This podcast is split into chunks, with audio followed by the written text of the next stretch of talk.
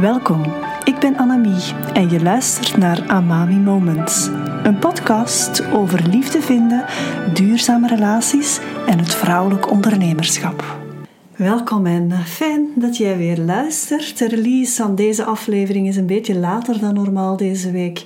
Ik ben net terug van enkele dagen Brugge met mijn man. We hadden daar een hele leuke ontmoeting met een goede vriend van ons die ons wat tips heeft gegeven voor onze huwelijksreis die er later deze maand aankomt. En ik kijk er al zo naar uit. Uh, we hebben echt zo'n heel gespreid traject. we zijn in november 2021 getrouwd. We hebben vorig jaar in de zomer in 2022 hebben we ons feest gegeven en nu in het voorjaar van 2023 gaan we op huwelijksreis. Dus het is echt wel heel fijn hoe we dat hebben ja, nog steeds aan het beleven zijn. Die, dat, dat huwelijk en die keuze voor elkaar, die keuze voor de liefde voor, voor elkaar. En ja, dus dat uh, was de reden. We hebben daar dan meteen maar een weekend van gemaakt. Een weekend midden in de week eigenlijk. Dus, maar dat maakt het juist zo leuk. Eh, met ons werk, uh, dat we dat kunnen plannen. Dus dat is echt wel super fijn. En ja, volg mij zeker op Instagram en Facebook, want dan deel ik daar, hè, als we op huwelijksreis zijn, af en toe wel wat van onze belevingen via mijn stories. Maar eerst dus deze podcastaflevering en er komen er nog wel een aantal aan voor we vertrekken. Hè, dus maar uh, vorige week, en ik ben van plan om dat wel meer te doen, maar vorige week heb ik voor het eerst naar heel mijn mailinglijst um, een mailtje gestuurd met de vraag van kijk, ik vond het best wel spannend. Um, maar ik heb gevraagd van kijk, waar heb jij nu het meest behoefte aan? Um, op het vlak van liefde aantrekken, op het vlak van daten, op, op het vlak van relaties. En enerzijds doe ik dat om wat meer voeling te krijgen met mijn volgers, dat ik weet wat er echt leeft. Anderzijds doe ik dat ook omdat ik echt wil helpen omdat ik het echt belangrijk vind dat uh, mensen vooruitgang boeken. En um, ja, de belofte die ik deed is om op alle mails een antwoord te geven onder de vorm van ofwel een podcast uh, die ik dan ging opnemen, uh, ofwel dat ik een mailtje zou terugsturen, uh, want sommige dingen zijn niet altijd relevant voor iedereen. Maar vandaag is dus de eerste van een, een aantal afleveringen. Uh, ik ga niet zeggen dat ze altijd elkaar gaan opvolgen. Um, maar ik ga proberen om één keer per maand toch wel een QA-podcast te maken. Waar ik dus antwoord geef op een aantal datingvragen, relatievragen die echt van mijn volgers komen. En dit is dus de eerste. En ik geef toe dat ik, uh, dat ik wel trots ben. Het is een hele goede manier om mijn publiek beter te leren aanvoelen. En zo kan ik ook mijn visie en hoe ik naar bepaalde zaken kijk duidelijker maken aan mijn volgers. Dus laten we maar meteen invliegen. En ik vroeg ook aan mensen of ik een uh, voornaam mocht gebruiken en zo niet, wat dan wel. En dus de eerste vraag die komt van Please Woman. En zij schrijft het volgende. Wanneer weet je dat je te weinig krijgt van een man, dat hij te weinig investeert in jou? Dat je op een hongerdieet, en gevoelsmatig uh, is dat dan natuurlijk gezet wordt, veel vrouwen, vertelt ze, investeren te veel of pleasen te veel. En dit is dus de vraag van Please Woman. En het is inderdaad zo dat misschien heel veel vrouwen gemakkelijk in de rol van pleaser gaan, alsof ze dan hopen terug te krijgen wat ze in de relatie zelf investeren. Maar vaak komen ze daar van een kale reis terug. En dit is het typische aan codependentie. En luister zeker ook eens naar aflevering 15 van deze podcastreeks. Daar heb ik het over codependentie.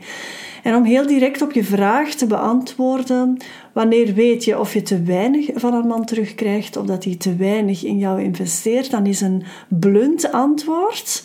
Als je steeds voor de kruimels moet gaan, dat voel je, dat merk je en dat weet je. Dus Het feit dat je de vraag alleen al stelt, is bijna het antwoord dat je waarschijnlijk met een man te maken hebt die daar niet in de juiste balans in kent. Hè.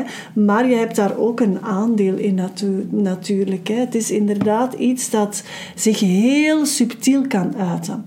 Ik heb enkele aandachtspunten die ik, die ik hier wil aanhalen.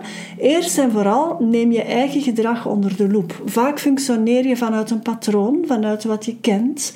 Je vindt het bijvoorbeeld normaal dat je heel veel investeert in een relatie.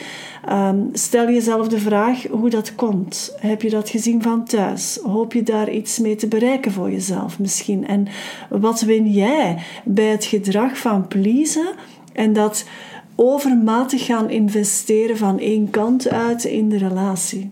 En dat kan echt, ja, uh, van alles zijn. Misschien probeer je conflict te vermijden. Misschien hoop je een leegte in jezelf op te vullen. Misschien wil je gezien worden. Misschien reageer je vanuit angst. Ga daar echt niet naar kijken bij jezelf. De vraag is: kan jij dat voor u invullen? Kan je dat voor jezelf invullen? Kan jij jezelf graag zien voor wie jij bent en waard bent? Dus stel dat jouw antwoord is van ja, uh, ik wil meer gezien worden. Wat kan jij dan doen voor jezelf om jezelf meer te gaan zien in die relatie? Ja? En dat blootleggen van je eigen stuk is misschien wel de eerste stap die jou het inzicht gaat brengen dat je nodig hebt. Ja? Een tweede aspect dat daarbij hoort is beseffen wat jij tolereert. Heel vaak komt dat ook vanuit je herinneringen en vroegere ervaringen of wat jij geleerd en gezien hebt. Maar het is belangrijk om dit voor jezelf heel bewust te maken.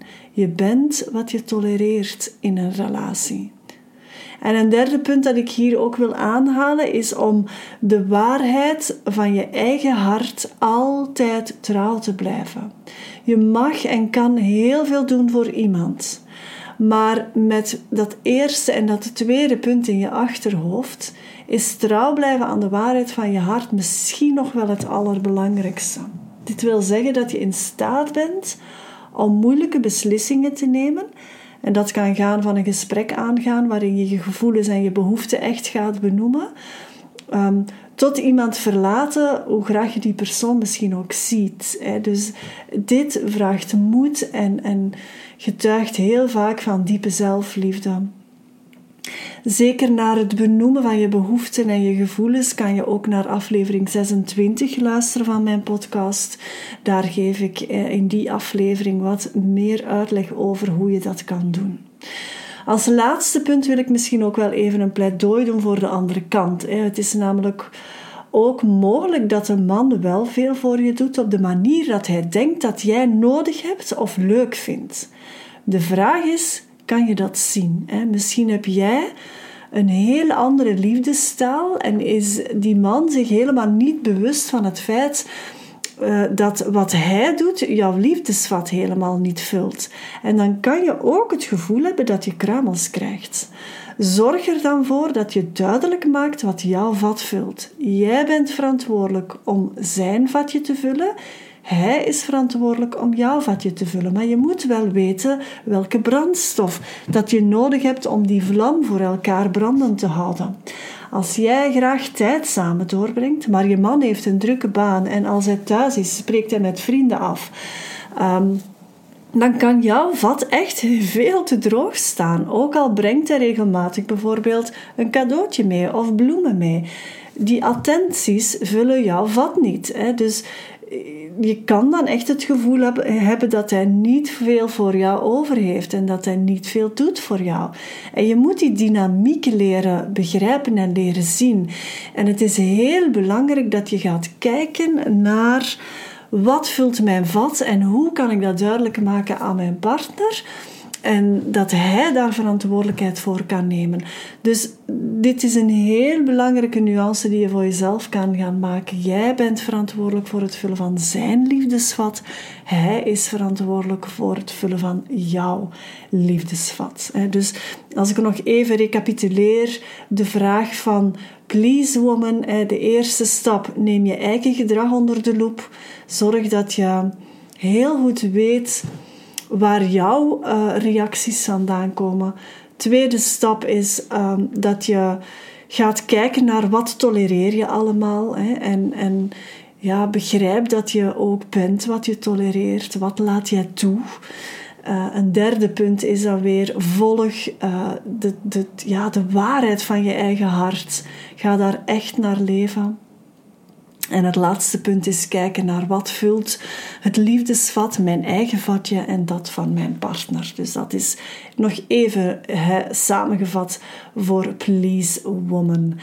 Een tweede topic dat ik vandaag behandel komt van Brenda. En Brenda heeft een huwelijk van 28 jaar achter de rug. Hele moeilijke scheiding, nu negen jaar geleden. En nog steeds zijn er rechtszaken die aangespannen worden. Ik ga niet te veel in detail gaan, uh, maar Brenda probeert uh, haar leven terug op de rails te krijgen met de nodige hulp. Maar dan gebeurt er altijd toch weer iets. En dan heeft ze het gevoel om weer helemaal terug naar beneden getrokken te worden. En dat lijkt wel een patroon. Ook bij het ontmoeten van nieuwe mensen lijkt het in het begin allemaal goed te gaan. En toch komen dezelfde issues, dezelfde onderwerpen, vroeg of laat, toch weer terug naar boven. En ik denk dat Brenda niet alleen is. Ik denk dat er nog mensen zijn die dat herkennen. Je hoopt na een pijnlijke scheiding of een vechtscheiding terug je leven op de rails te krijgen. En je doet je best om dat zo goed mogelijk te doen. Maar vroeg of laat komen dezelfde vaak pijnlijke thema's toch weer naar boven. Soms door je ex-partner die weer maar eens een rechtszaak aanspant, soms door iets dat op je werk gebeurt, soms door een nieuwe relatie die jou toch wel triggert, noem maar op. Het is allemaal mogelijk. En vaak krijg je dan het gevoel wat is dat toch met mij? Hè? Waarom ik? Of hoe komt het dat dat toch weer met mij gebeurt? Of dat dat mij ehm, weer overkomt? Of dat dat weer op mijn pad komt? En ik begrijp, weet dat dat een heel invoelbare vraag is. Als onze pijn getriggerd wordt, gaan we bijna altijd toch wel even uh, ja, die kaart gaan trekken van waarom ik en hoe komt dat toch dat het weer op mijn pad komt. Hè? Maar een vraag die dan meteen ook relevant kan zijn is: wat kan ik hiermee doen? Of wat kan ik hieruit leren over mezelf? En daarbij is het belangrijk dat je begrijpt dat alles wat jij zegt, wat jij denkt en wat jij doet, dat zegt iets over jou en daar ben jij verantwoordelijk voor. Maar wat iemand anders zegt, denkt en doet, dat zegt in C niets over jou, maar alleen iets over de persoon die dat zegt, denkt en doet. Ook al heeft hij het over jou of um, spreekt hij dat uit naar jou toe bijvoorbeeld. En kan jou dat uiteraard ook wel raken. Ja? Je moet begrijpen dat dat niet echt van jou is de tip die ik geef is dan om daar meer van op afstand naar te gaan kijken. Wat is hier echt gaande? En dan vooral naar je eigen reactie gaan kijken. Hoe reageer ik hierop? Is dat iets dat altijd terugkeert, die reactie? Reageer je altijd op dezelfde manier? Hè? Wat doet het met mij? Wat raakt mij hierin? En kan ik hier anders op gaan reageren? Is mijn reactie van die aard dat die persoon dat verwacht? Of er bijna op rekent dat je zo gaat reageren? Heel vaak reageren wij zelf ook vanuit een bepaald patroon waar we ons niet altijd bewust van zijn. En ik wil echt niet zeggen dat je moet toegeven of ja, aan, of, of, of onrecht moet laten gebeuren, laat het mij zo zeggen. Maar vaak zit er toch iets waar jij zelf bewuster van mag worden. En soms wil dat zeggen dat je iets niet meer gaat doen wat dat je misschien normaal wel eh, zou doen. En dat kan in jouw woorden zijn, dat kan in jouw gedrag zijn. Ehm, maar ook andersom, hè, dat je iets net wel gaat doen wat je normaal nooit zou doen, bijvoorbeeld. Hè. Belangrijk is dat je die dynamiek leert zien en dat jij 100% verantwoordelijkheid neemt voor jezelf. Hoe moeilijk dat dat soms ook is. Besef dat je altijd terug de mogelijkheid kan creëren om weer in je kracht te gaan staan. Te leven vanuit de waarheid van jouw hart en te groeien als mens. Wij zijn hier op de aardbol om te groeien, om vreugde te ervaren, om, ja, om ons vrij te kunnen voelen voor wie we zijn, hè, te kunnen gaan staan voor wie we zijn. En we hebben daar een heel mensenleven voor. Hè. En het is onze taak, onze verantwoordelijkheid van elk van ons als individu om daar 100% verantwoordelijkheid voor te gaan nemen en ja, te groeien als mens. En die waarheid van ons hart hoog in het vaandel te gaan dragen. En iets wat ik zeker ook altijd aanraad, um, is een hulplijn durven inschakelen. Volg therapie. Hè. Zelf, ik ben, ik ben in, in, in mijn rol hier in deze podcast ben ik uiteraard een, um, ben ik een, coach. Ja, maar soms als je echt door een dieptal gaat, is het goed om therapie te volgen.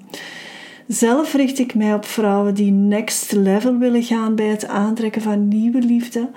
En als jij voelt dat dat voor jou is, boek dan gerust een gesprek om te kijken wat ik voor jou kan betekenen daarin. Heb jij een relatievraag of een datingvraag voor me? Stuur me gerust een bericht of een mailtje en ik neem ze op in de podcast uh, volgende maand. Heel graag. Tot volgende week. Bye bye.